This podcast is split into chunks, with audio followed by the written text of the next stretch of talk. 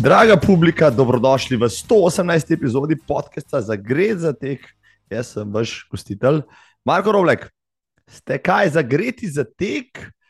Bi imeli majico, si danes že tekel, si danes že tekla v tej barvi, samo rečete, pa zrihtamo. Evo, tudi link spodaj v opisu. Začetek, opravičilo glede prejšnje oddaje. Zvok pri Dejanu v 117. epizodi je bil res slabši. Eva Urban je rekla, da se je slišalo, kot da bi govoril iz soda. Ha, njegov ja, globoki glas in malo slabši zajem, pa rezultat na koncu ni bil optimalen. Tako da upravičilo za prihodnje bom bolje uh, pazljiv, da do tega več ne pride, če se bo kdaj slišalo, kot da je iz soda, bo to dejansko iz soda, pa jaz bom zraven. Hvala za razumevanje. Kaj imam ta teden na sporedu? Ja, hitri pregled, išla je nova številka revije Tekač, na koledarju sta dva uh, nova zimska traila, Velenje in Knap trail, v teku pa je tudi evropska turneja outdoor filmov, European Outdoor Film Tour. Um, akteri vsega omenjenega se mi pridružijo pri pogovorih, v tej oddaji kasneje. Še prej, čestitke in pozdravi dva večja maratona sta bila na sporedu v preteklih tednih, po Londonu najprej še en Major, Chicago, 40 tisoč tekačin, kar nekaj slovenci, no med moškimi je sicer zmagal Kenijski Pruto, prava poslastica pa je bila maratonska preizkušnja, ker je bil od štarta tempo norno za, za končni rezultat po 2.12, na koncu je Ruth Čepengetič odtekla v drugi čas vseh uh, maratonskih časov, 2 uri 14 minut in 18 sekund, svetovni rekord je zgrešila za borih 14 sekund. No, vemo, da je tudi ta rekord padel v Chicagu tri leta nazaj, torej Chicago za ženske, kar je Berlin za moške, oziroma Kipčogeja. Uh, jaz sem še svež iz maratona v Amsterdamu, kamor smo potovali z večjo skupino maratonskih navdušencev in otekli lep, na koncu sončen maraton ob slikovitih kanalih, mestnih četrteh in ob reki Amstel. Ja, kaj pa dirka sama po sebi, skupaj nas je bilo na maratonu dobrih 12 tisoč, uh, še skupaj s pol maratonci tekači na 8, pa okrog 33 tisoč tekačev. Um, ženska dirka med najboljšimi je bila bolj zanimiva od moške, se je zmagala olimpijska zmagovalka na 10 km. Almas Ajana, no, uh, njen prvi maraton je zaključila v 2:17:20, kar je rekord vseh prvopristopnic na maratonu. Zdaj, di Baba, še ena prvopristopnica, je bila pol minute za njo. Uh, druga, res noriča, a si v ženskem maratonu zadnje čase, meniki padajo, grem staviti, da bo naslednje leto, če ne morda že letos v Valenciji, spet padel tudi ženski svetovni rekord. Smo pa sedaj že vsi na trnih pred Ljubljanskim maratonom ta vikend. Organizatori so vendarle uspeli preseči številko 10 tisoč na vseh nedeljskih razdaljah, poleg 5 tisoč otrok v soboto, kar je super znak, da se življenje vendarle vrača tudi v cestne tekaške loge se vidimo v nedeljo na progi, še prej v soboto na sejmu tečem, vabim, da se oglasite okrog 15:30. Na sejmu bova z Igorjem na odru predstavila tudi naše maratonske avanture. Dobrodošli. Zdaj pa kar k našim gostom. Začnimo s 54. številko revije Tekač in Boščanom Svetetom, ki je glavni odgovorni urednik in ima na koncu za vas še nagradni izziv. Spoštovani in cenjene, gremo um, zdaj le poiskati, kje je Boščan Svete, glavni urednik uh, revije Tekač.si, katere 54. številka je že na prodajnih policah. Boščan, pozdravljen, kje si? O, Marko, živijo, živijo. Tokrat, tokrat te bom kar prehitil, pa ti ne bom dovolil, da mi zastaviš vprašanje, če sem danes že kaj tekel, ker še nisem, ker zdaj bolj hodam, kot tečem. Tudi hoja, pravijo, je čist dober uh, nadomestek za tek, morda uh, še celo boljši, ko se ti ne da. Ja, ampak vidim, da bo govoril o teku, konkretneje o tem zajetnem snopiču, ki je že zunaj Uh, povej, Boščan, 54 številka tekača, kaj prinaša? Uf, prinaša ponovno zanimive sogovornike. In zdaj ta koncept, da izdi, revijo izdamo dvakrat na leto, se bo verjetno kar obdržal tudi vnaprej. In v tem uh, daljšem razdobju se tudi zanimivi sogovorniki kar naberajo, tako da izbor je bil pester. Um, kot si se pogovarjal z Marko Tratnikom in Petro Tratnikom, ki, sta, ki tudi krasita naslovnico, uh mhm, -huh, potem uh -huh. Špilo Gonza in Žan Žepičem. Uh, po malo daljši intervju je zasedla Anja Fink, ter potem tudi še Matej Pečnik. Tako da zelo pester nabor po dolžinah, ki jih vsi predstavljeni vsak dan opravljajo. Um, ja, zelo, zelo zanimivi so govorniki, so tukaj. Uh, jaz sem prečital vse ostale intervjuje, Vem, Anja Fink mi je zelo zanimiva. Ja. Uh, recimo pravi, da mogoče njena atletska karijera ni v prvem planu, za njo tudi v olimpijskih igrah se je spraševalo, pa tudi če ni hotela biti konkretna, olimpijske so, so čez leto pa pol, pred kratkim so objavili maratonsko progo, ki bo kar zahtevna, uh -huh. ne bo za rekorde. Eliot Kipčoge je napisal, da se je že zelo veseli, ja, sicer um, on gre po tja po hat-trick, videl, če kakšen slovenc ali pa slovenka tja po nastop. Um, v reviji je, bomo rekel, kar debel snopič tudi um, namenjen prav posebni vadbi, da mi še kaj v tem povej. Ja, zdaj ne bom rekel, da sem to izhajal iz sebe, ko sem začel zdaj s hojo, pa spet ponovno bolj aktivno z vadbo, pa postopno tudi s tekom. Ampak se mi zdi, da nekje, ko tečemo ali potečejo letošnji udeleženci Ljubljanski maraton, uh, ni prav, da jim potem kar za kakšen mesec ali več pade vse dol, pade sneg, in potem čakajo do pomladi, ampak je ustrezno, da krepimo svoje jedro preko cele zime, in temu namenjena je tudi ta številka, ki m, mm, v bolj podrobno ponazarja zavadbo moči in predvsem, kako hraniti preko zime jedro doma. Tako da, seveda, tisti, pa, ki tega niso, niso vešči, pa priporočamo, da to prakticirajo v družbi usposobljenih voditeljev. Uh -huh, uh -huh. Po dolgem času vaju zvesta kolumnista z Igorjem Bergantom je skočila med vaju, med vaju tudi gospodična T. Skrivnostna gospodična T, ja. Ja. Tako, skrivnostna gospodična ki pa tudi mogoče na malo hudomušen začin ponovno začini revijo Takač. Imamo nove ure, imamo nove copate, kjer uro si ti testiral, recimo, Uf. ali pa jo boš, si boš zdaj neštimal? Ja, zdaj ne vem. Ne. Tukaj uradno uro Ljubljanskega maratona je Garmin Forerunner 255. Uh, ima verjetno vse, kar si jo potrebuje, vse, kar potrebuje um, tekač, prehajalec, kolesar. Um, zdaj, sem pa pred časom ravno z Jurom Romnom, za, uh mhm. -huh. mislim, da Val 202 se ravno pogovarjal, kam je šel trend teh ur v zadnjih desetih letih. Uh mhm. -huh. In dejansko trend trenutno se nahaja bolj v tem, ne, um, kako hitro tečemo, um, ampak bolj kako, kako kvalitetno spimo. Ne.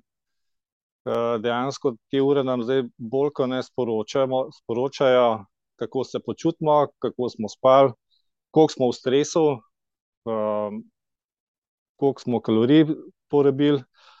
Skratka, na eni strani že kar malo preveč podatkov, po drugi strani pa mogoče res um, uporabni podatki, da namenimo malo več pozornosti spanju na splošno. Ja, se pravi, spanje je um, ponovem um, tisto, kar je bila prehrana deset let nazaj. Evo, ja. Tako, tako.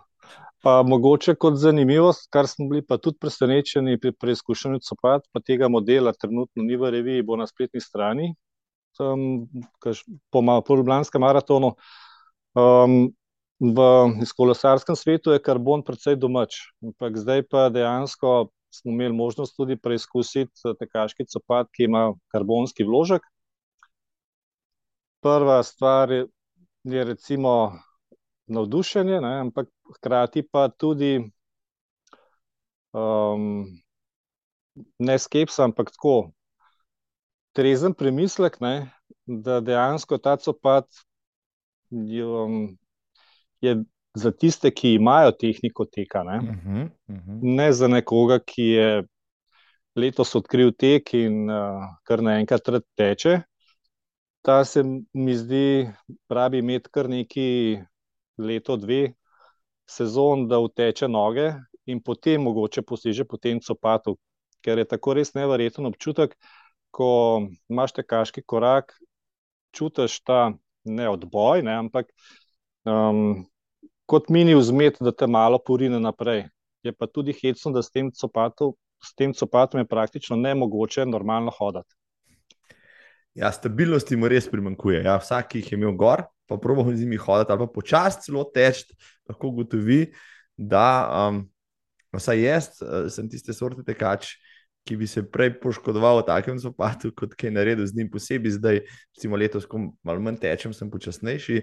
Uh, vid, vid, video sem pa zelo zanimiv v Berlinu, sem šel počasneje okrog sebe, v kar množico tekačev. Pa slišali si jih tudi, ker te karbonske plošče dajo prav poseben zvok, ker ne cokle. Uh, tudi tekače tam pri 4 urah, pa pol in tako naprej, in še počasnejše, ki so nosili te karbonske copate. Uh, sem se resno vprašal, ja, um, če, če ta modni, modni trend zdaj uh, lahko na koncu povzroči komu še več težav kot koristi. No.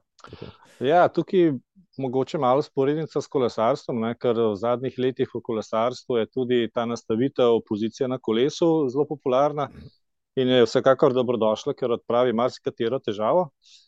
Ampak tudi vsi strokovnjaki, ki to storitev upravljajo, ne, um, vedno vprašajo kolesarja, ko pride na to nastavitev, zakaj si, zakaj si želi um, nastavitev, kaj ga boli v prvi fazi. Ne? In če reče, da nič, ne, potem je še vedno še večji dvom, zakaj je zdaj sprememba. Ne?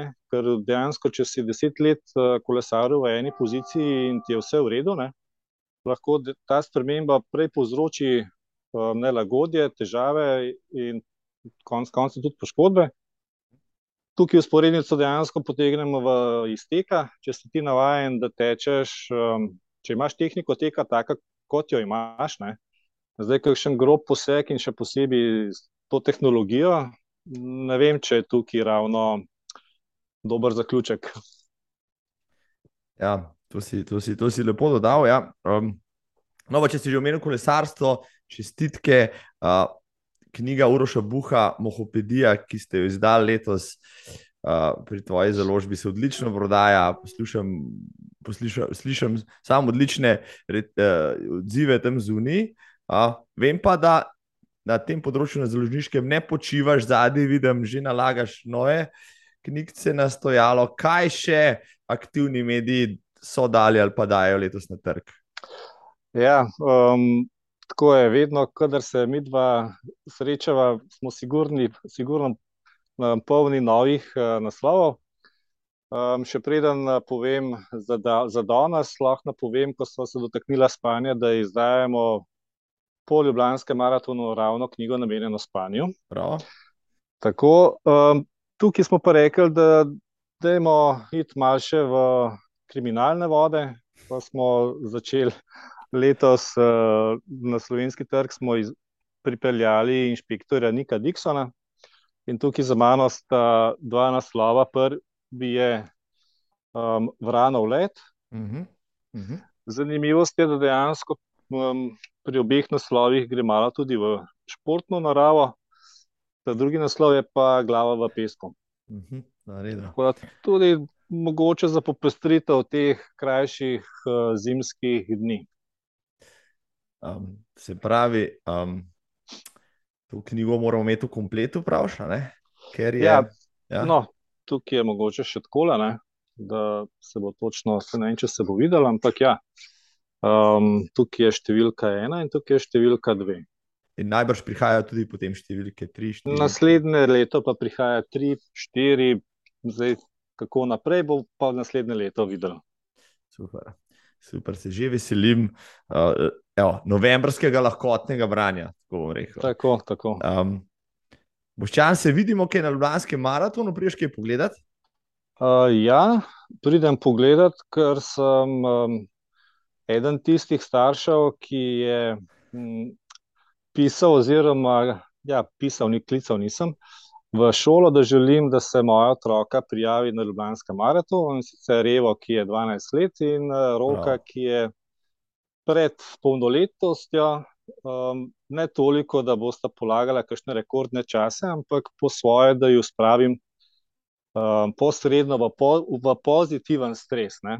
Ker v končni fazi, ko sem videl, da rok mora preteči, mislim, da a, to je zdaj tretjeletnik srednje šole, 3200 metrov, Eva, Aha. a, šesti razred, oziroma letnik je za sedmi razred, je 1800 metrov. In otroci te razdalje tečejo tako, si predstavljam, kot smo mi včasih v krosu um, s kolesi vozili kros, ne, od štarta do cilja na polno. Ne. Kar pomeni, da si na koncu že tako kisel, da se ti že megli cilj. Ne. In je, je tudi prav, da otrok to izkušnjo doživi. Tako ja, tako ja. Sej, um, če bi imel čas, bi šel to pogledat. Enkrat sem že to spremljal, res je fajn videti, ko vsi zašprintajo v štartu in se potem eh, krčevito borijo te, eh, do konca, se držijo tega Tako, tempa. tako. Ampak to, to je prav, to je odlična šola za življenje, se mi zdi. No, tako da vem, da je letos. Mislim, da je skoraj 4000 šolarjev prijavljenih na vse razdalje, tako da bo to poseben praznik že v soboto v Ljubljani. Um, Boščan, za konec, kaj raba še povedati? Mogoče zadnja beseda je tvoja. Evo. Ja, raba povedati to kot vedno, ne? da imamo za tvoje um, gledalce tudi nagradno igro. To, nagradna igra sledi, spoštovani, Tako. spoštovane. Boš, boščan, kakšno je nagradno vprašanje, oziroma kakšen je izziv in kakšna je nagrada? Ja, nagrada je seveda knjižna, To. Gre, sta pa ta dva naslova, Branov let in Glava v pesku. Uh, pogoji sodelovanja pa najbolj, Marko, da kar ti poveš, glede na to, da bo to pod tvojo objavo. Je, okay, če me že izzivaš, pa ne bo takole. Um, ker so to kar dve knjigi, ja, pa uh, da ne bomo podelili uh, dveh. Evo, vsak, ki bo kupil eno od teh dveh knjig, dobi drugo za ston. Ja, za najhitrejša dva bomo podelili dve brezplačni knjigi, se pravi, dva, ki bosta kupila vsaj eno od teh dveh knjig. In se uh, napišete, pofočkate v komentar, prva dva dobita drugo kompleto za ston. Evo, to je to. Mi pa priložimo še um, dodatno zraven darilo, ki je pa še skrivnost. Mislim. Zdaj se, bom, zdaj se bom že jaz zagrebil za to nagrado. Ja, oziroma, bom rekel enemu, ki ga poznam, pa tega noče. Ja, hecam se. Boščan, super, hvala za javljanje eh, po 54 številki, ob 54 številki drevije tekač. Kdaj bo torej 55 številka, še to povej? 55. številka, začetek aprila, tako da materijala do takrat bo kar nekaj. Vsekakor pa vmes spremljate spletno stran. Super, tekač pika si. Boščan, svete, hvala ti, lep pozdrav na barje. Tudi tebi, Marko, v sončno Gorensko. Hvala, čau. Čau. Trelo je toliko, da se sedaj odpira tudi njihova zimska sezona. Ja, najprej v Velenje, ker bo skupina Trail Zasenjakov v začetku decembra postavila v življenje prvi Velenje Trail. Z mano je njihova glavna PR-ovka Metka Tratnik. No, pa gremo v Velenje. Evo, z mano je stara znanka podcasta Metka Tratnik, ki je PR-ovka novega eventa, ki se bo dogajal v tistih koncih k malu. Metka živijo. Čau, Marko, maham iz Velenja. Kaj je nogo v Veleju? Ej, fur se dogaja, ne? mi na polno delamo naš Velenje trail. Tako da zagreti uh, ne samo za tek, ampak za trail tek. Trail je tako vroča roba, da uh, imam kar nekaj vdaj, zdaj le že za sabo, pa nekaj mi še čaka na to temo. Tako da upam, da se me uh, cestari, moji prijatelji z cestnih tekmov ne bodo od- odrekli, ne, ne bodo. Ne smejo. Ampak ja, trail, zapazil sem uh, pred kratkim, ja, to reč, potem si me še ti upozorila na to, uh, odprli ste tudi prijave, lih uh, nekaj dni nazaj, Tako. ampak gremo od začetka. Kaj je veleje trail in zakaj velenje trail? Ja, ideja o samem Velene Trelu se je v bistvu porodila že sigurno eno leto nazaj, če ne še kaj več. Ampak uh, nekako ni nikoli dozorela v tistem uh, pravem ne, času. No, zdaj pa je. Tako da smo se zbrali osem uh, takih izjemno zagretih in tekačev, oziroma um, organizatorjev, ki smo se pač dobili, začeli dobivati in ugotovili, da je zdaj pa res čas, da mi naredimo v Velenju en trail, ker imamo pa tukaj v Velenju res toliko enih lepih hribčkov in gozdnih poti, um, ki jih uh, že mi mogoče premalo koristimo, pa dajmo jih pokazati še pač ostalim tekačem. Tako da smo potem začeli uh, sestanki, določili datum, to je 3. december um, ob 10. uri, in um, hitro smo potem tudi našli eno progico, tako za začetek 17 km, uh, 800 višincev, glede na to, da je to pač nek začetek uh, zime in v začetku decembra nah, nas z veseljem tudi. Pač preseneti sneg, bo za začetek 17 km uh, zelo ena tako lušna trasica. Um, zelo lepo, vabljivo povedano. Ja. Zdaj, mogoče velenja ne poznamo tekaško ali pa trelaško tako dobro, to bo odlična priložnost. Uh, kaj posebnosti um, na progi, kaj poseben, kakšen vrh, hribček, kakšna dolinca, karkoli, kar lahko zdaj le poveva, da progo še malo bolj predstaviva uh, najnim uh, poslušalcem in gledalkam. Ja, v bistvu lahko malo opišem, kako bo šla uh, proga, ker je res izjemno zanimiva. Uh, štarta se na uh, Visti v Velenju, to je prireditveni prostor ob Velenskem jezeru pri kampu Velenje. Uh, tam nas pot vodi mimo Škajskega jezera do prvega kucla, ki se mu reče Odraž. Potem se spustimo mičkem po hribčku na zgor in krenemo kar fajn v klanc na Lubelo. Tam nas preseneti prvi razgled, ki je res wow. Uh, tam bo tudi prva postojanka, potem uh, se spustimo nazaj dol, do ene uh, lokalne ceste, pa spet v hrib do vodemle. Uh, na vodemlji je drug tisti razgled, ki ti vzame sapo, uh, potem pa do skalnega vrha, potem pa uh, nazaj proti, proti Velenju, spet malo čez Konovo, uh, pa čez gozdno pot, spet do jezera in nazaj na Visto. V glavnem, dva taka razgleda, da pač jaz garantiram, da tudi oni, ta prvi trije, ne, ta največji tekmovalci in najhitrejši, se bodo ostavili za trenutek, ker pač tega ne moreš zavoditi. Lušno.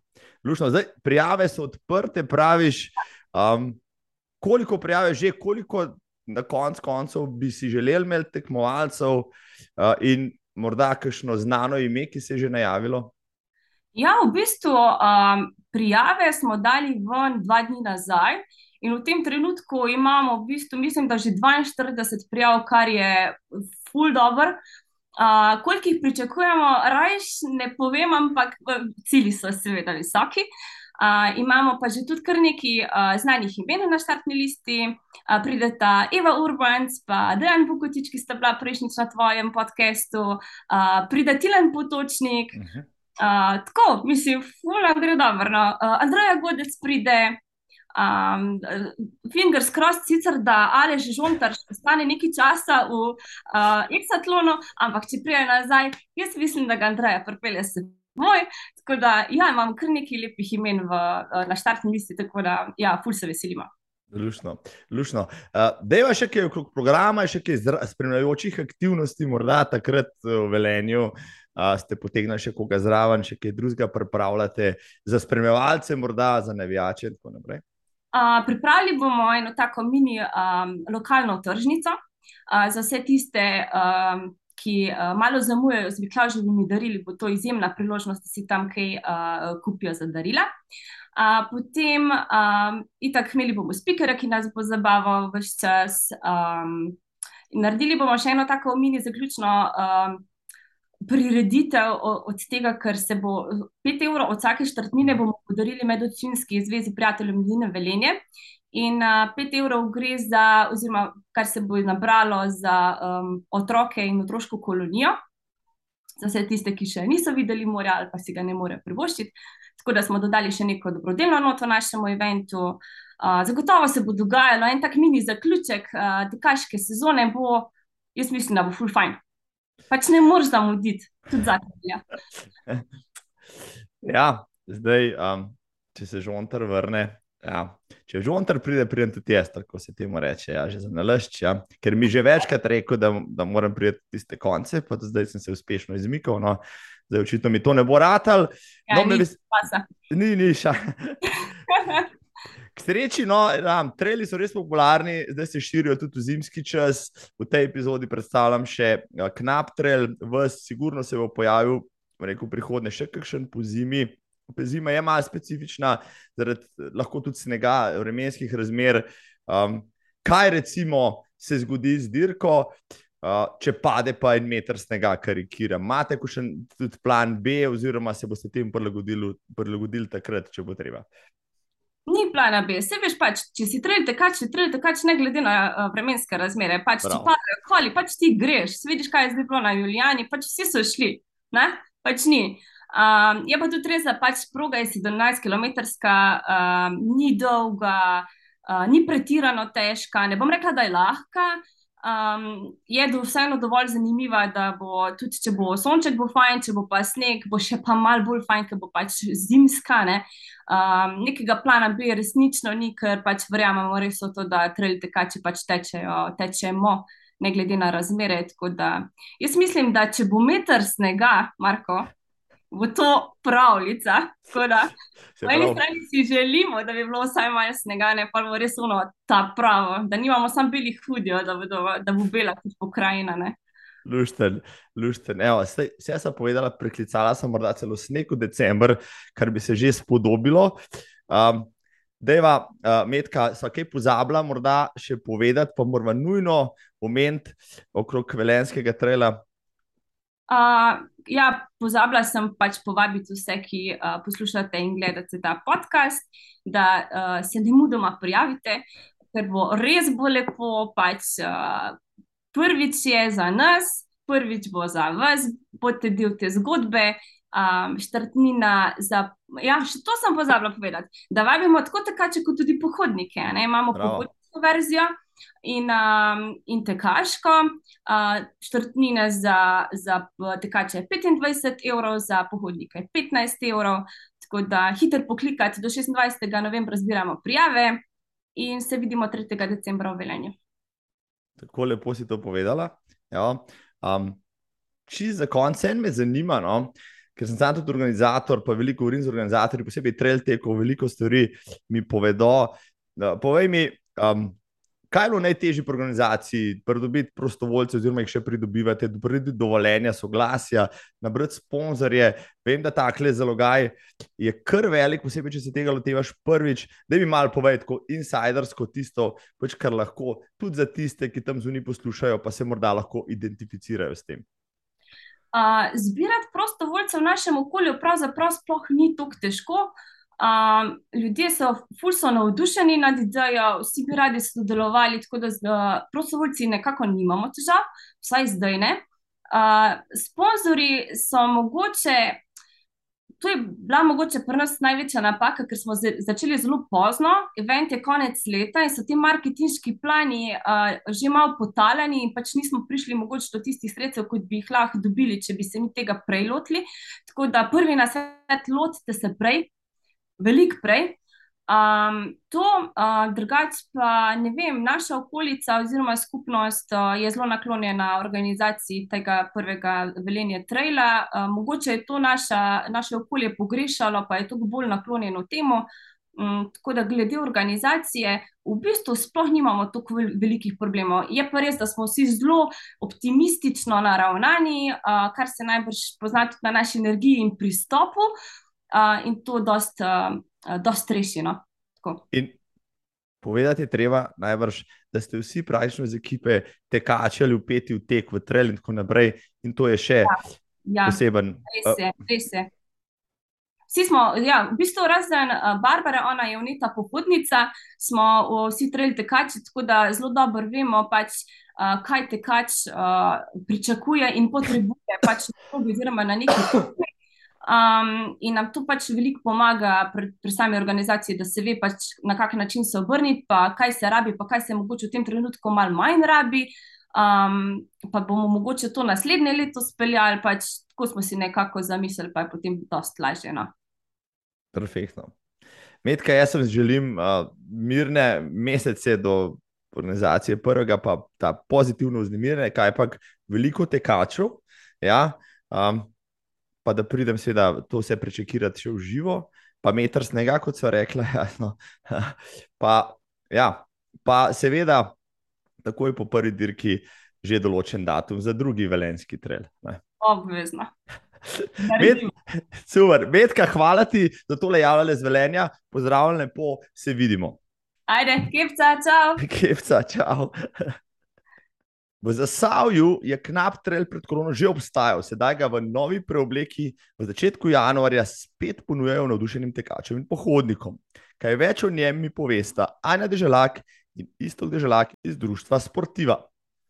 Kam gremo zdaj, spoštovane in cenjene, ja, v osrčje Slovenije, kaj pa, z mano sta dva, um, rekel, legendarna in znamenita uh, pripadnika plemena tam doli. Ja, uh, javljata se iz Trbovel, uh, isto deželak Ici in Anja deželak Čipka. Pozdravljena, živijo.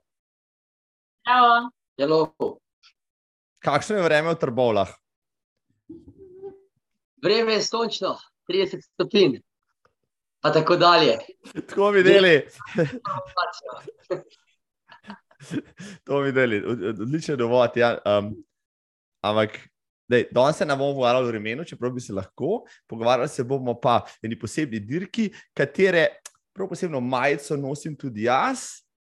Pa isto vidim, da ima na sebi tudi Anja Čipka, da je povej, zakaj gre, o čem bo govora danes.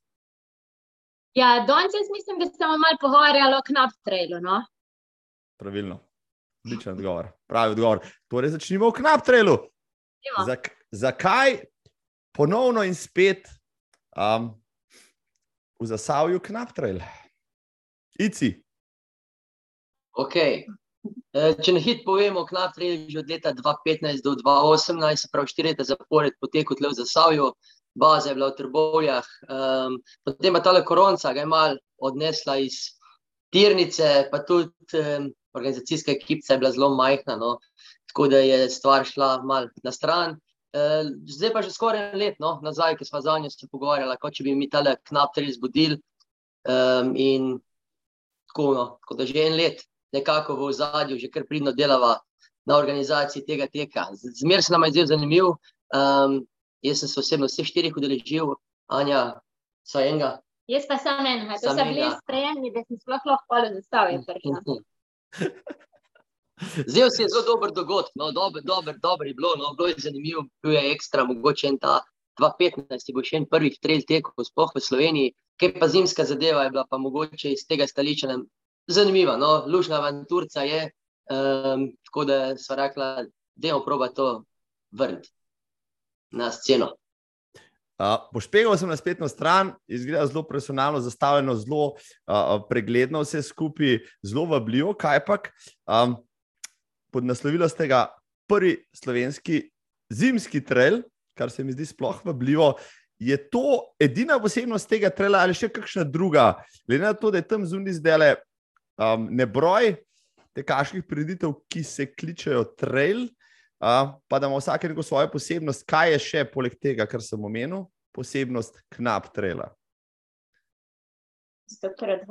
Zdaj smisla vrsti. Ja, um, Koliko sem omenil, no, um, bil je res en izmed prvih trailov sploh v Sloveniji, ker se zime tiče, je bil sploh prvi, daleč na okol. Um, tako da smo tudi obdržali isti datum, se pravi prvi vikend v novem letu. Um, zakaj se nam zdi ekstra? Zimskih trailov v Sloveniji, vsaj do zdaj, nekaj ni bilo. Um, sploh ni bilo let od 2015, mislim, 2015 je pa že ta bil. In smo rekli, um, bila je neka ekstra tekma, ki je bila res drugačna od ostalih trailov. Konec konci, se vemo, lahko je sneg, lahko je zelo mrzel in kar prinaša tudi za določene tekače nek minus. Ampak jaz mislim, da dosti tiščemo zadeve, ker so mal iz teh klasičnih okvirjev. No. Tako da ne vemo, kako pričakovati letos, kakšne bodo temperature, koliko bo snega ali bo sneg ali ne. In uh, tisti pravi lizer tega pridejo. Prav. In uh, to je nam posebej zanimivo. Um, ja, omenil si tudi, včeraj, ko sem se pogovarjala, da je zaradi tega, ker je po zimi, pa trelo ni, mogoče tudi vzdušje mačken bolj sproščeno, da ljudje ne grejo tja, bo rekel, umirati za vsako ceno ali pa uh, tekmovati na nož, ampak da se vse skupaj še vseeno vzamejo malo bolj, rekel, v izi, če lahko uporabim to besedo. Ja, nekako iz izkušenj, ki jih imam iz tega leteka ali pa trej scena ali pa ultra, kukorkoli. No, ali od krajših do daljših prog, običajno na tekmovanjih približno veš, kako hitro si želiš iti, kakšen rezultat bi rad dosegel.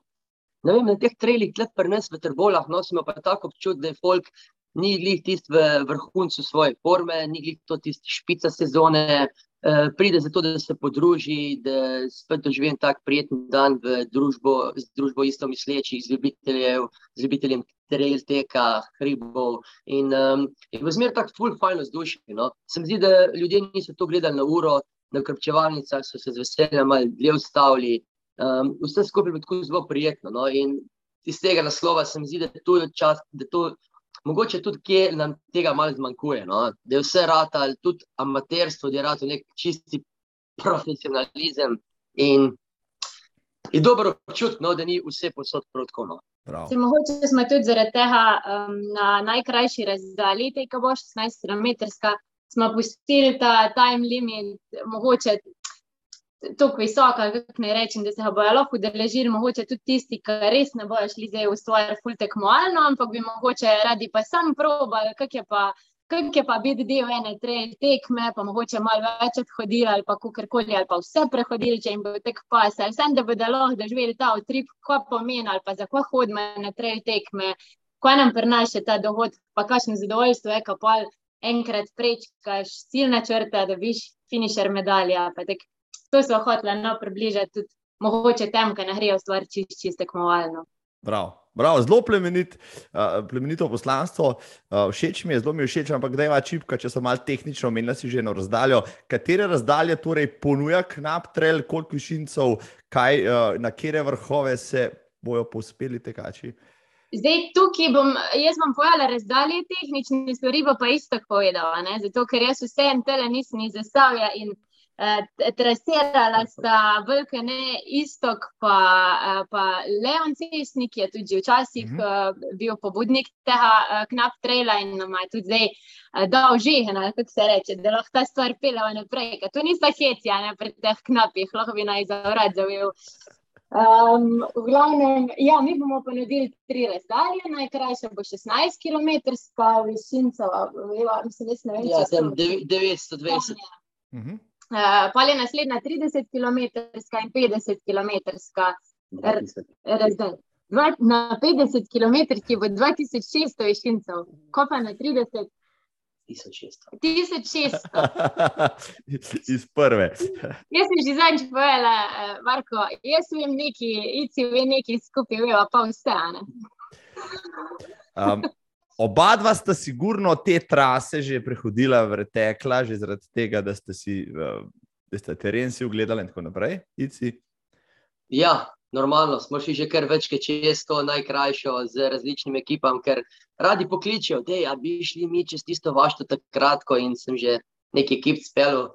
Čez to progo, um, 30, kaj je že ta ključni trening, ne, greš od laufat in Zaradi tega, če pač organiziraš zadevo, greš mogoče več kot traj po tisti trasi, da vidiš, če bi kaj spremenil, če se je kaj v naravi spremenilo. 50 eh, krat pa že malo daljša zadeva. No? Tako da nismo šli še na čas probati, kako bi šlo v teh lepih eh, razmerah, poletnih. Eh, ampak je pa kar zanimiva pestra. Sicer zdi se mi, da za te dobre trelaše, kjer jih je tudi nekaj na štartu, se bo zdela kar tekaška zadeva, pravijo, da je kar tekaška. Ampak še vsem 2600 višincev, mislim, da tudi ni tako malo no, za tistih 50 oziroma 51 km. Tudi razmere, pa da kar velika vloga odigrale za to. Vprašanje, kako ja. bo tekaška, pa kako novo bo treba kaj. Ja, tle je dobro, malo več ruzak, malo več malce sabo, malo dalje na ukrepčevalnicah, kak čaj več in gre zadeva čez, drugače pa Eh, iz eh, malo za informacijo o tistih štirih letih, ki je trajal treh tek potekov, je bilo vse od eh, najnižje temperature na štartu, pa tam minus 9 stopinj, bilo je tudi leto, ki je bilo 6 stopinj plusa. Bilo je leto, ki je bil cel dan sonce, lepo reme, smo švicali in bilo je tudi leto, ko nismo švicali. Vsa zimska vremena na knap trailu, spoštovani, spoštovane, kaj še rabite, da vas pripričamo, imenu si, ici, znane imena, katera so to, če ni skrivnost, da uh, jih malce ubelodanimo, pa pridejo zdaj. Januarja. Nekaj fantov imamo, ko bom rekel, na štartni listi uradno, če greš na portal pogledati, še ni gor, so pa na liniji in se bojo priklopili, ne vem, mogoče se kakšni seznama, ne vem, Matica Čulovič, recimo, je sigurno en boljših, hitrejših, trilašov, je zelo hiter kliknil zadevo. In, um, Ja, to je teren. ja, tu sam, da se malo ve. No, prejšte. Ja. Tudi, tudi z njim smo šli en krog 30. Um, in bom rekel, da je rekel, da je ta pa res tekaška, nam se ni zdela. V glavnem, ja. Tudi nekaj imamo že iz tujine prijavljeni, smo Prav. videli, da to nam je zanimivo. No, oziroma, se mi zdi, da gre v pravo smer. Tako da Zdi se Ok. mi, meni, ki pač nisem, eh, zdaj sem na Istrbolj, pa nisem bila, se mi zdi na trail ena taka fulušna prilika, da prideš v Zasavje. Meni vsi očitajo, da v Zasavje ne moreš priti po nesreči ali pa usput ali pa kakorkoli. In zdaj se mi zdi pa ful dobro, zdaj imamo pa pač razlog, da, da ljudje pridejo v Zasavje, da si pogledajo te konce, ko včasih nam malo očitajo, to sej ne luknje, pa da videli, koliko je v bistvu fajn. Kako je res lepo na teh trasah, kakšni razredi se ponujajo, pa to um, Tako da, no, meni je to en fulušna prilika, no, da si jo gledajo za sabo, da naj mislim, kot živimo. Um, ja, če smo že pri luknjah, ja, ti prihajaš iz ene druge luknje, ja, idrske, a ne v Tarbolsko, Ja. mislim. Super, izbiraš res top destinacije. Ampak včeraj še eno stvar bi vprašal, pa moče čipka mi ti poveš. Uh, Ici mi včeraj v pogovoru že povedal, ko sva se malo debatirala tudi o tem, kdo danes trele organizira. On je dejal, mi dva, za njo so oba dva. Terlaša, ultra terlaša, tekača, srcem in dušo sva, uh, del uh, tega komunitija. In kot tekača, morda um, drugače gledava na organizacijo, kot nekdo, ki se s tem ne peča. Uh, se pravi, moče bolje veva, kar, kaj nek tekač, kaj nek treljaš, pohodnik, če smo že pri tem, potrebuje na taki preditvi. Kaj ti praviš, ti imaš vendarle že izkušnje, Anja z organizacijo, že z Idrije in tako naprej, Ici pač iz, tudi iz svojega povdanskega posla, na vse zadnje, hkrati pa še, bom rekel, še to tekaško srce.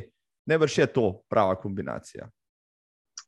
Ma ja, meni se zdi, no, da če si, če si udeleženc na takih dogodkih, pol veš iz obeh strani, kaj točno rabiš, pa kako pričakovati. Pač mi dva, vidva, recimo, ko greva na, na, na druge teke, ko so neki plusi, ko so minusi, kaj jaz kot tekač želim, uh, kaj dobim. Uh, pač ja, zdaj je pa tukaj en tak, pač iz organizacijskega vidika je pa to čist, čist neki drugega, ne, ampak se trudva, da bi tekačem pač naredila čim lepši tale dogodek, da bi se ga pač uh, spomnil v eni taki dobri luči, da bi bila to ena taka nepozabna zimska izkušnja, ta tekaška izkušnja. Uh, Siguren je pa to ful velik plus, če, si, če se pač samo deležuješ teh tekov, no? ker lahko tiste dobre stvari probaš aplicirati na svoj dogodek in narediti, kot sem rekla, en tak, uh, ena taka mini žurka. Jaz zmer pravim, ko hodim na te ultre, da grem na en tak babi žura ne? in si želim, da bi tudi za tiste, ko da pršel uh, v Trbole bil to en tak mini žurno. Uh, Ici, koliko tekačev uh, pričakujete, uh, pričakujete za, za, za to prvo izvedbo Knap Traila 2.0, rečemo temu tako, um, pa koliko jih je že prijavljenih, pa kje na vse zadnje se zainteresirani, ki bodo zdaj le prav gotovo še poklikajo, pa javijo? Uh, po, tako je lepo izvati, rekel, zna biti malenkost nehvaležno. No. Uh, mi je pravimo tako, bož, da jih je 50 manj kot 50 več, pa so tisti ta pravi. Ne. Oziroma so nam že govorili, da ne bo tega, ne bo ga. Jaz verjamem, da tisti, ki bo, bo pravi in to nam bo največ pomenilo. Tako da je neko točno številko, oziroma okvirno, bi skoraj težko rekel. No. Zdaj, enkrat smo blizu številke 100, kar se mi zdi v redu, imamo še tri mesece do tja, prijave so dober mesec, šele v zuni, počasi se šele vreme in pač eh, letno obdobje privesa tja v zimo, kjer bo se mi zdi tudi ljudje malo preklopili, pa se začeli delati plane. Tako tudi se mi zdi datum dober, sedmi prvi, mogoče že en dober cilj v novem letu, da poštartaš s športom. Ne?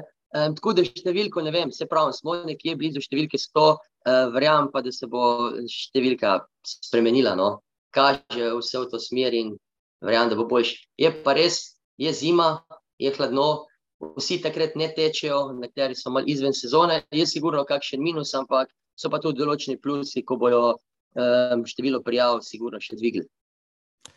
Um, no, potem pa Anja, ti povej, um, kje se morajo zdaj vsi, ki še o tem razmišljajo, ali pa bodo če razmišljati, poklikati, pa dokdaj, da, se, da so prijavljeni in da bodo lahko prišli. Ja, mi smo določili, da zadnje, mislim, zadnje prijave bodo nekje do sredine decembra. Um, prijave pa se lahko prek naše spletne strani, knaptrail ali pa prek portala prijavim.com. To je zaenkrat opcija. V našem razpisu je tudi napisano, da kdaj so kakšne prijave cenejše, da kdaj so malo dražje, to mogoče ni na umen malo pogledati, pa ja. stisnem ten klik prej, kot kar kasneje, da ne slučajno kdo zamudo. Slišal. Ja. Pa da je pa kaj sem rekel, oj, sem tukaj, da bi, pa nisem, zdaj dejane. Ja, tudi knaptrel je, je redka dobrina. Ja. Nitko knapi so ne, resni ljudje, se ne hecajo z teh stvari. Um, ja. Še ena stvar, mogoče čisto na hitro sem zapazil, ko sem prvi spletno stran, tam sem videl um, logotip Oditre, pa UTMB, se pravi, ICI, ja, tle na vaši tekmi se da zbirati uh, itra točke, pa, pa, pa kvalificirati kvalifikacijske kamenčke, dobivati ali kako za, za UTMB, malo več mi okrog tega še povej, prosim. Bom pa tako rekel, bom kar besedo predal moji ženi, ker ona je ena izmed tistih, ki zbira kamenčke in pa bom rekel. Um, kamenčko na, kamenčko na, na knapu, no, no, to nismo zdaj krajinska gora, ampak vse je, bo pa kvalifikacijske tekme bojo. Um, vse je vse značen tam, koliko kera prinaša, mislim, da sta 30 pa 50, no, da sta kvalifikacijske tekme, ja, pa itra točke se tudi zbira, se to je zdaj že kar mogoče ena taka klasika, bom rekla, pri teh trailih. Um, Ici, a potem, če ne bo kamenčko, bojo pa kosi kolma ali kako? Ja, ja če už dober hammer, vidite res, da bi šli ja. še kosi kolma, ko pa vema, čeprav ti težko, da bi te, ne? A ni zadnje cajte, zadnje cajte, malo težje ena kolma, tudi če bo foto. Ja, kladu so prišli z jame, tako da je, je to že kar težko dobiti. No. Zdaj prav za zmagovalca in žakal kolma. Ja. Če ti bo prvič povedal, smo se prav zanimali z rdene zadevce, ker ne si zanimala glede tega. In tudi žakal kolma je v teh časih v Sloveniji težko dobiti. Yeah. Res, prav težko. Moš prav fajno krok poklica, da dobiš žakal kolma. Imamo pa par kosov še na zelo, no, mogoče ga dobiš v prilih. Zdaj, to, da veste, spoštovani, spoštovane, ja, draginja je, energetska kriza je. Zdaj pa veste, zakaj se splača živeti v trbovlah. Prej ste se pa norca delali, haha, ja, vi pa nimate rudnikov. Um, a smo vse povedali, spoštovana Anja in Nici, ali rabimo še kaj dodati, morda povabiti za konc uh, poslušalke in gledalce, uh, vse tiste, ki po zimi ne vejo, kaj bi počenjali, imajo pa zdaj idealno priložnost, da takoj po novem letu začnejo dejansko izpolnjevati novoletne zaobljube, da bodo več migali. Izvolite. Jaz mislim, da smo kar veliko povedali. No.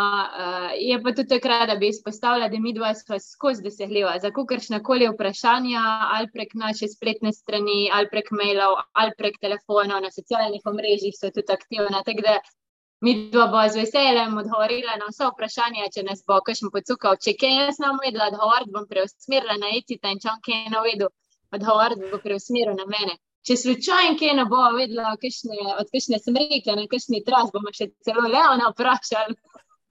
Ampak, ja. kaj povemo vseeno? Bi pa sigurno povabila vse te kače, pohodnike, ljubitelje, ki se mi mogoče zdela stvar zanimiva, da pridejo po naše konce, v tele zasavske hribe. Mislim, da predito lušna, res se trudva, da bo za njih poskrbelo tako, kot je treba. Malo več dela je tudi zato, ker je le zimski trail in moramo bolj poskrbeti, kar se tiče prehrane, topih napitkov, juhic, okrepčevalnic, skoč in tako naprej. Um, ampak lepo, lepo, ljudno vsi vabljeni, evo, pridite trbole, meni se bomo fajn, malo se bomo podružili, malo bomo verjetno švicali, kako grdo besedo spustili tam sred gozda, ampak um, mi pravimo, mat kurba, tako je to, ne, nimaš kaj. Točki bi se rada zahvalila vsem, ki naj že zdaj, oziroma ki nas podpirajo. Tudi kar nekaj sponzorjev je, eh, pa donatorjev, ki se stopili nasprot, kar nekaj eh, teh planinskih koč, ki so ponudili nam podpor, da bomo lahko za tekače naredili čim bolj tako prijetno okolje, da se bodo lahko pohrili med med tekmo, ne tek. Uh, in, in to ne smemo pozabiti, brez takih se enega dohodka ne da speljati. In, uh, in na tej točki, no, tudi hvala vsem, ki verjamejo v, v naš projekt. No, ja. se več, se nismo se tako, tako, tako, ja. Tudi um, občine so že v samem mm -hmm. štartu, no, ker smo malo potipali, rekli, da ja, je posoportati za savje, da je malo povezati z delci. Tudi iz občin smo dobili to, da bi bil mal zagon, oziroma štart, je mogoče malo lažje, da si malo začutil, nekdo te podpira. Um, ampak zaposlenih pa žal nimamo, no, tako da um, kopljamo sami. super, super, da ste to le povedali. Ici in čipka, čist, čist, čist, čist za konc. Kje bomo pa vaju še letos, kaj videli na kakšnih tekaških stezicah in poteh morda? Uh, jaz, jaz sem zdaj sem za letos uh, oddelala svoj projekt. En je sicer malo mi všel zaradi ene poškodbe, ampak zdaj sem se udeležila v Krajinski hor tekme 100 km. Nepozabnih 100 km je bilo tokrat v Krajinski gori, ampak zdaj smo vsi heroji, ki smo prišli čez. Zdaj za naprej pa nim planov, zato ker tudi ta organizacija res fulani stvari za sabo potehne za, za 2022 sem jaz srečna in zadovoljna in sem kljubce naredila. Zdaj se bom pa raje v knap trail spustila pa poglobila v organizacijo. Kaj boš pa tisto, kaj? Aj mogoče kaj še ne vem, ko bo.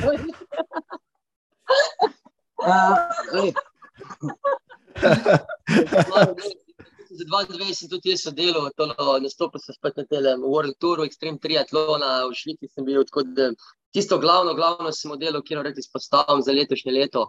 Drugač pa leto gre počasi proti koncu nekih tekem, ki mi bili, bi bile v interesu. Trenutno ne vidim, ali bi mogel pa zelo, zelo daleč z avionom. No? Tako da to ne bom šel. Je pa sigurno, so ti tihi plani.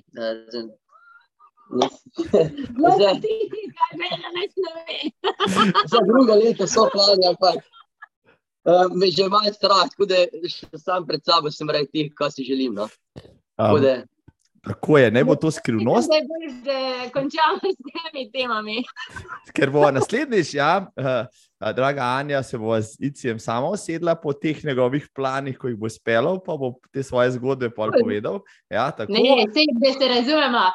Eh, mi dva imamo, kdaj kakšne take čudne ideje, sam se mi zdi, da generalno se pa en druga podpira. Pa, um, ne vem, zmer, kakšen prej, kakšna ideja, nikoli ni on, ne, zakaj to, ampak zmi reče, ajde, dej, kdaj pa boš če ne zdaj. To. Je pa še en trik tukaj, ki bi ga svetoval drugem. Najprej se prijaviš, potem plačaš, pa, pa še doma poveš in greš s tabo. To to. Jaz pa če rab, veš, kaj še ne razram nakažem, sem da gre, pa je to fajn. Tok modrosti, kot smo jih zdaj povedali, že dolgo nismo. Anja, da je že lag, isto je Eh, hvala vam za tole super javljanje. Seveda, se upam, da se vidimo v trbovih, jasno, na ja. knap trailu. Lijek, Marko. to moramo pripričati, tole majico, jasno. Vsi ostali tam zunaj, pa evo, zdaj le poklika, dokler so še mesta. Hvala vam, pozdrav v trbovle. Ej, hvala tebi. Hvala tebi. Čau. Vidimo. Ajde, čau. čau.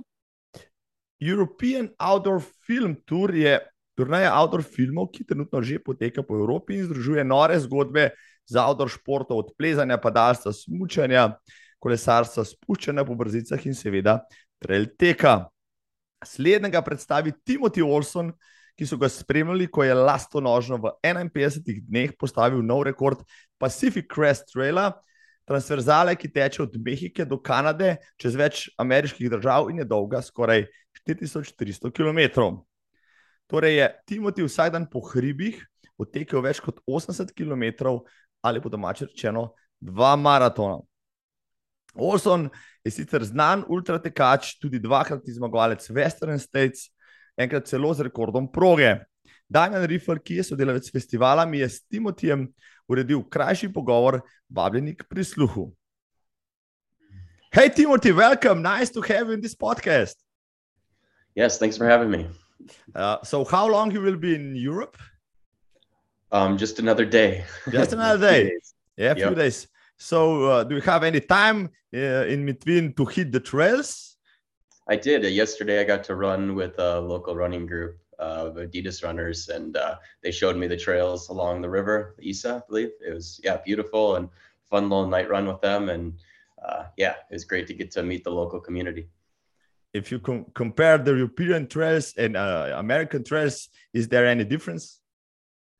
Well, compared to Boulder, Colorado, where I live, yes, very different. But there are many places like where I grew up in Wisconsin. Uh, there's lots of little rivers running along that that look just like that, and uh, yeah, but not as big of a city. uh, do you maybe know Slovenia and maybe some of its trails? I have not been, and uh, yeah, I do not know the trails as well. It's it's are they it's, good? Should I come visit? Yeah, definitely. It's interesting. It's not. It's it's quite rocky. Uh, in uh, um, I don't know in the Alps, it's quite rocky. It's not so. Uh, it's not so running trails. It's it's like hiking trails, but there are also quite fast uh, running uh, races. So you probably should try some of hundred miles or something like that. Uh, well, I, like if, the, I like the rocky terrain too. So that sounds wonderful. If you're still running only hundred miles, if it's not too short this for you. No. maybe, maybe.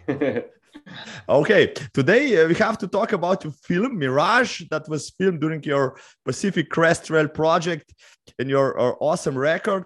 This was crazy. I saw the film. Where did you get the idea for this fit and why?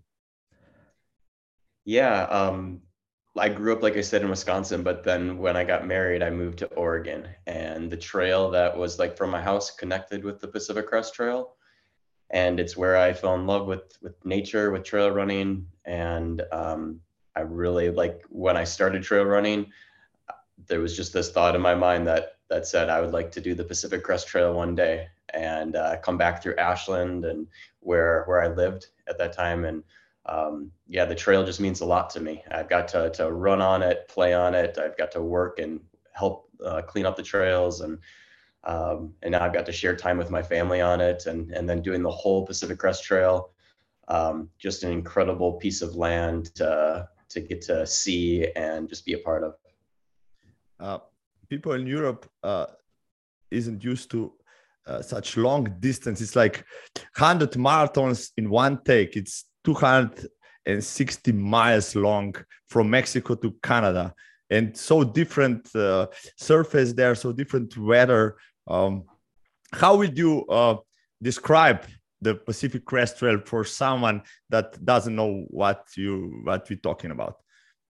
Yeah, so it, it's um, a continuous foot trail that goes from um, Mexico uh, in North America, from Mexico into Canada and it uh, starts by going through the Mojave Desert and being more desert-like and having lots of rattlesnakes and uh, falcons and and then it gets in bigger mountains and eventually until you get to the high Sierras where um, you know those are big 14,000 foot peaks and uh, 4,000 meter peaks and just really beautiful and big and um, so then the weather changes a lot and so then you go from the arid desert up into the mountains alpine um, yeah, and just like you need to see all the different animals and stuff along the way. And then you get into Oregon where it's more big trees, a um, little bit softer ground, but a lot of down trees that you got to jump all over. And um, yeah, there was there was some forest fires too mm-hmm. around there, so that was really hard to to navigate. And uh, yeah, like I just basically had to outrun some fires and uh, made them around there. And then Washington um, you know, looks like the, the Alps, where just really beautiful, rugged mountains.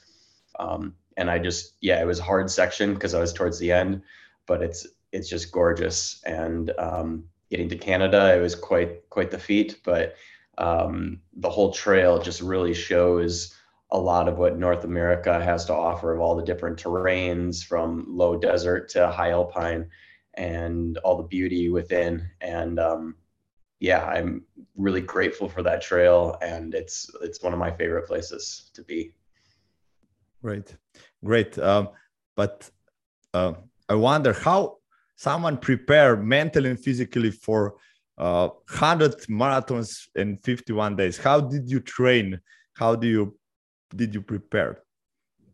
Yeah, so the training. I mean, I did do a lot of training beforehand, and even like the month prior, I did a week where I I you know did 80 kilometers a day for a week just to kind of see how that would feel on my body. Mm-hmm. But I would have to say it, it took kind of my whole career of running, of you know running uh, from 100 mile races all the way down to you know faster stuff in high school where I'd run you know around a track and a 5K and I think just having the ups and downs of of life of of running on trails um, really strengthened me and had my legs ready to handle all that because I was running, I was hiking, I was having to sleep in the forest, I was uh, definitely out of my comfort zone, and you just really had to embrace it all. And I think you know all those different places I've got to have the opportunity to run, and um, I think that prepared me to come there and just you know to expect the unexpected and to just really lean into whatever the day brought. Uh, was the timeline set from the start and you were always on the schedule or have you ever fallen behind maybe? Um, a few days in yeah I, I, got a good jump on the current record at that time. And i don't believe i ever lost it. There was a time where i got a little closer when i was having my injury i was doing a, a few shorter days there um, my shin was a mess for quite a while where I was trying to work through that. Um, was extremely mentally and physically challenging. Um, just trying not to give up and and stay focused. And um, there I slowed down a little bit, but yeah, and then I kept it all the way to the end, and it was it was close. Like it was a really um, Carl put a really stout time on there, and the terrain you know you just got to take what you can give you. Every year can be a little bit different with just different just the environment you know you got to take what that gives you as well and uh, try to maneuver it the best you can. Uh, but what kept you going every day? What goes through your through your head for i don't know after 15 or 20 hours of running of of motion?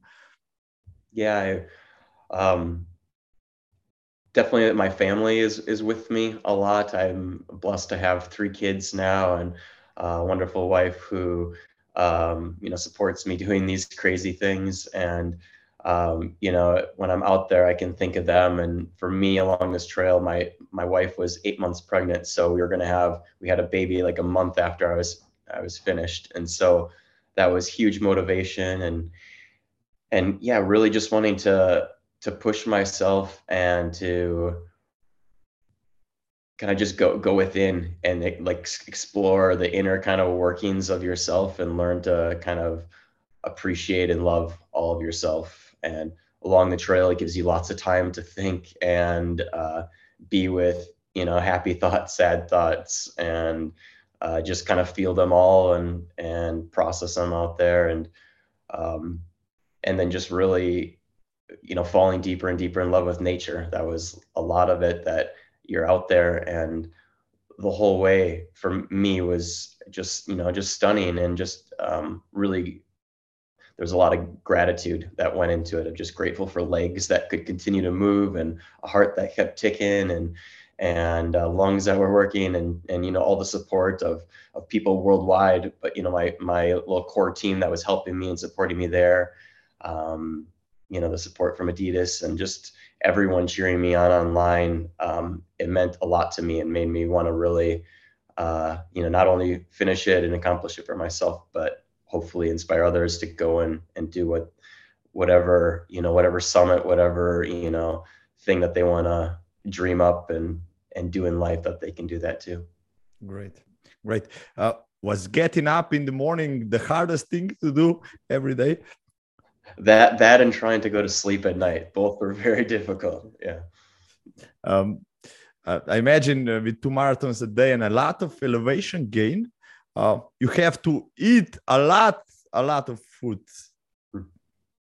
yes yes i like constantly anytime that there was even just a tiny bit of hunger i would try to put food in and i woke up with someone trying to give me food and going to sleep with like food next to me and um, yeah, I ate it all and tried to tried to just like really fuel myself. It wasn't, you know, there was moments where I wasn't exactly liking food or like because I'd be nauseous or just, uh, uh, yeah, you, you're from running so far, your your body can become more acidic, and so my my tongue was like inflamed and hurt. So food was kind of uh, challenging at, at moments, but um, you knew that it was the fuel that you needed to keep going, and so you just kind of kept getting it in what was your favorite meal or food or snack or something like that? Yeah, tacos are definitely a huge, huge one for me. And there was there's actually a special taco place that we used to go to in Oregon, and uh, that like right where I used to live, and they picked up some tacos and brought them to me out on the trail at one point, and that was definitely probably one of the highlights of food.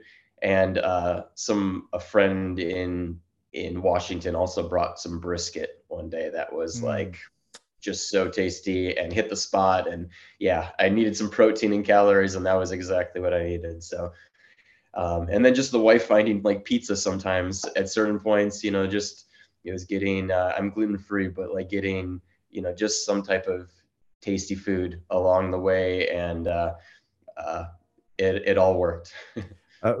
how big was their team? They were with you all 51 days or so? Um, yeah, my, my wife and kids were with me most of the time. They took, you know, some time off uh, to just kind of have a little break and rest. And um, my wife is doing a master's degree. She, just, she had some school to do and was growing a baby. So, um, but then my, my coach um, was with me like pretty much the whole time. And then the, the two um, videographers, um, they kind of switched off kind of days, but they were out there, you know, every day trying to, you know, catch me at different parts on the trail, and they would just surprise me in the middle of nowhere somewhere where they found a way in. And uh, um, yeah, so the, the core team was pretty small, and then my my in-laws were there too, which were super helpful, and they helped with the kids as well. And yeah, that was that was the team, and uh, we kept it pretty compact and um, it, it worked well. Great. Uh, have you ever thought uh, that you won't succeed, that you will fail in the process? Hmm. There was definitely moments of doubt and like that would creep creep in, but I feel like there was an overwhelming amount of like trust and knowing I felt like this was what I was supposed to be doing and it felt like I could accomplish it. And so when those moments of doubt and pain and, and struggle and frustration and stuff would kind of creep in, um, you know, I would feel them and um, just keep believing that it was possible.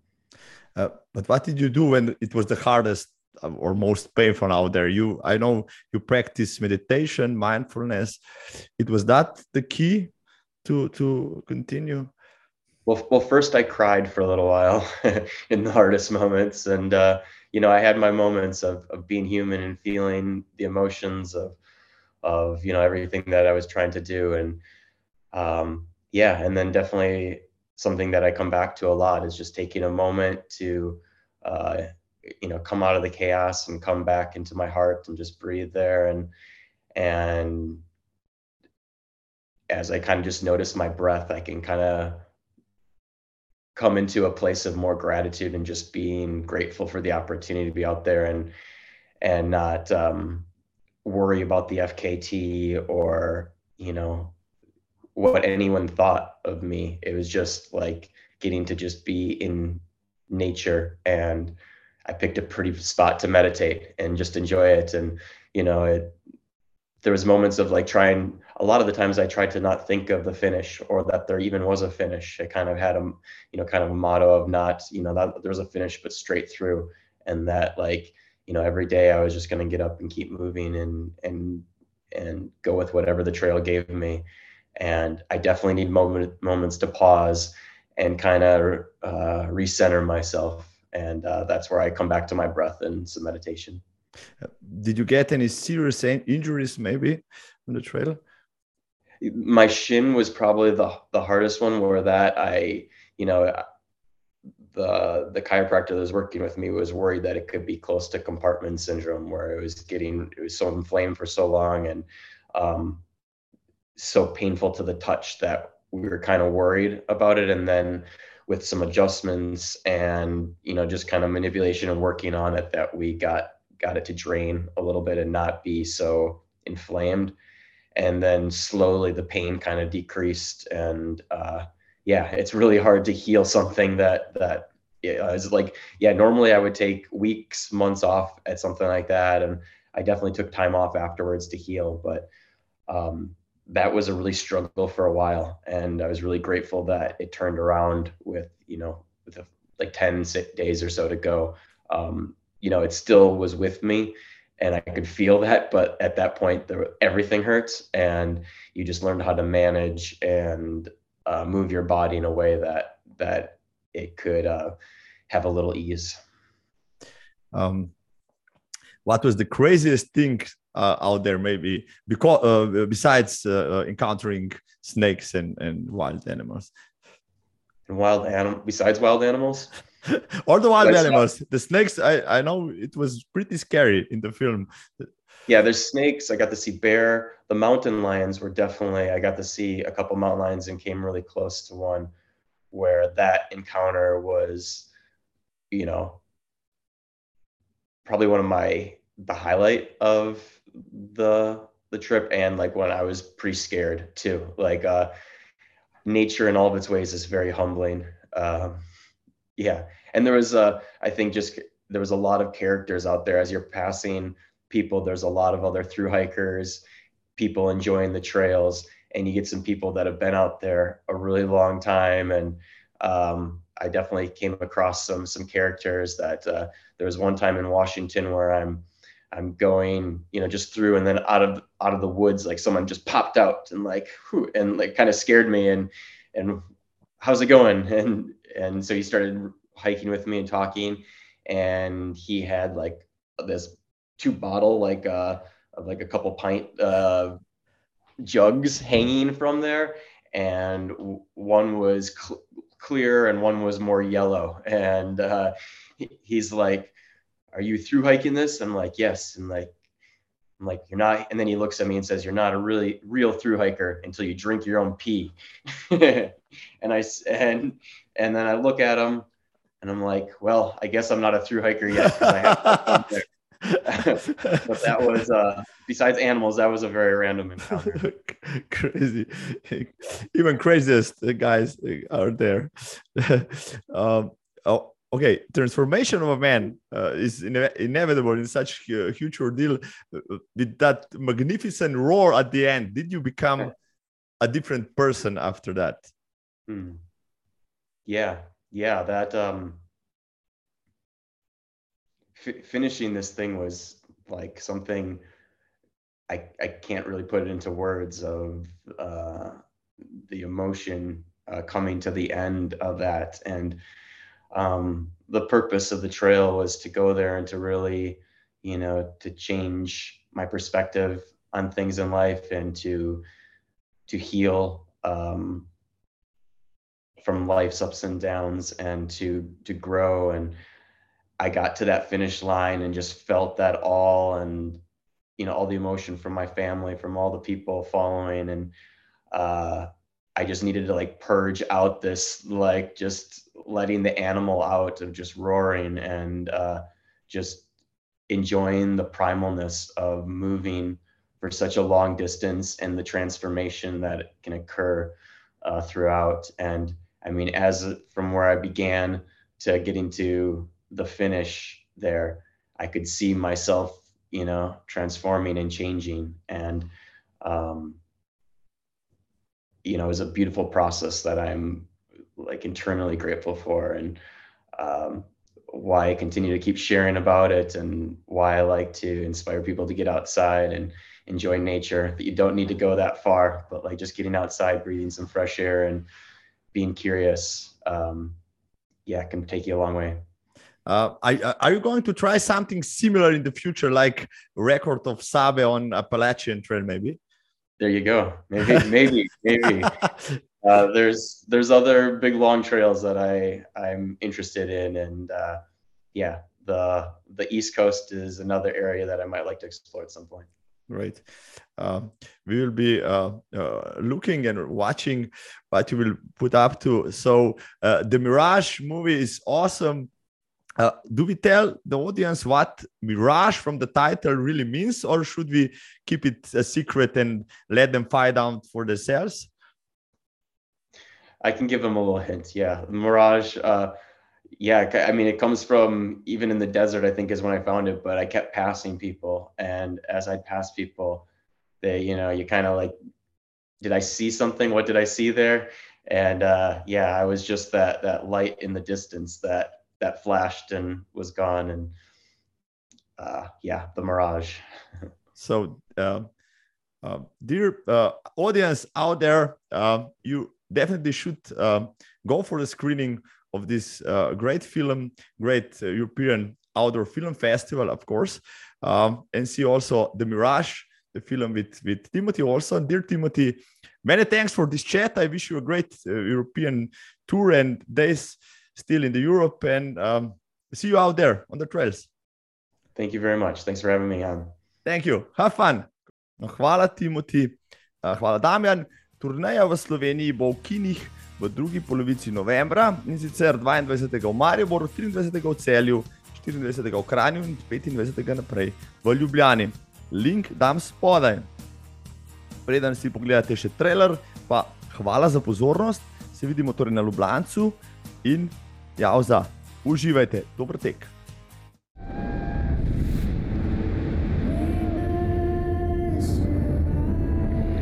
It's good to share the ups and the downs. If you miss a stroke, you could die.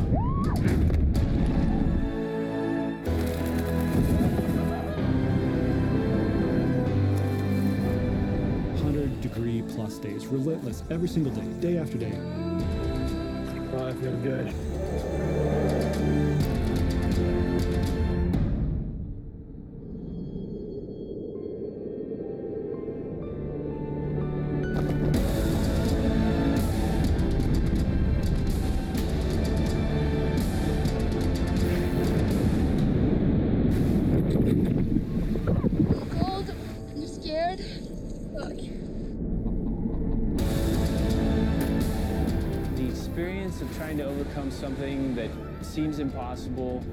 There's no higher euphoria. This is the biggest thing I've ever done in my life.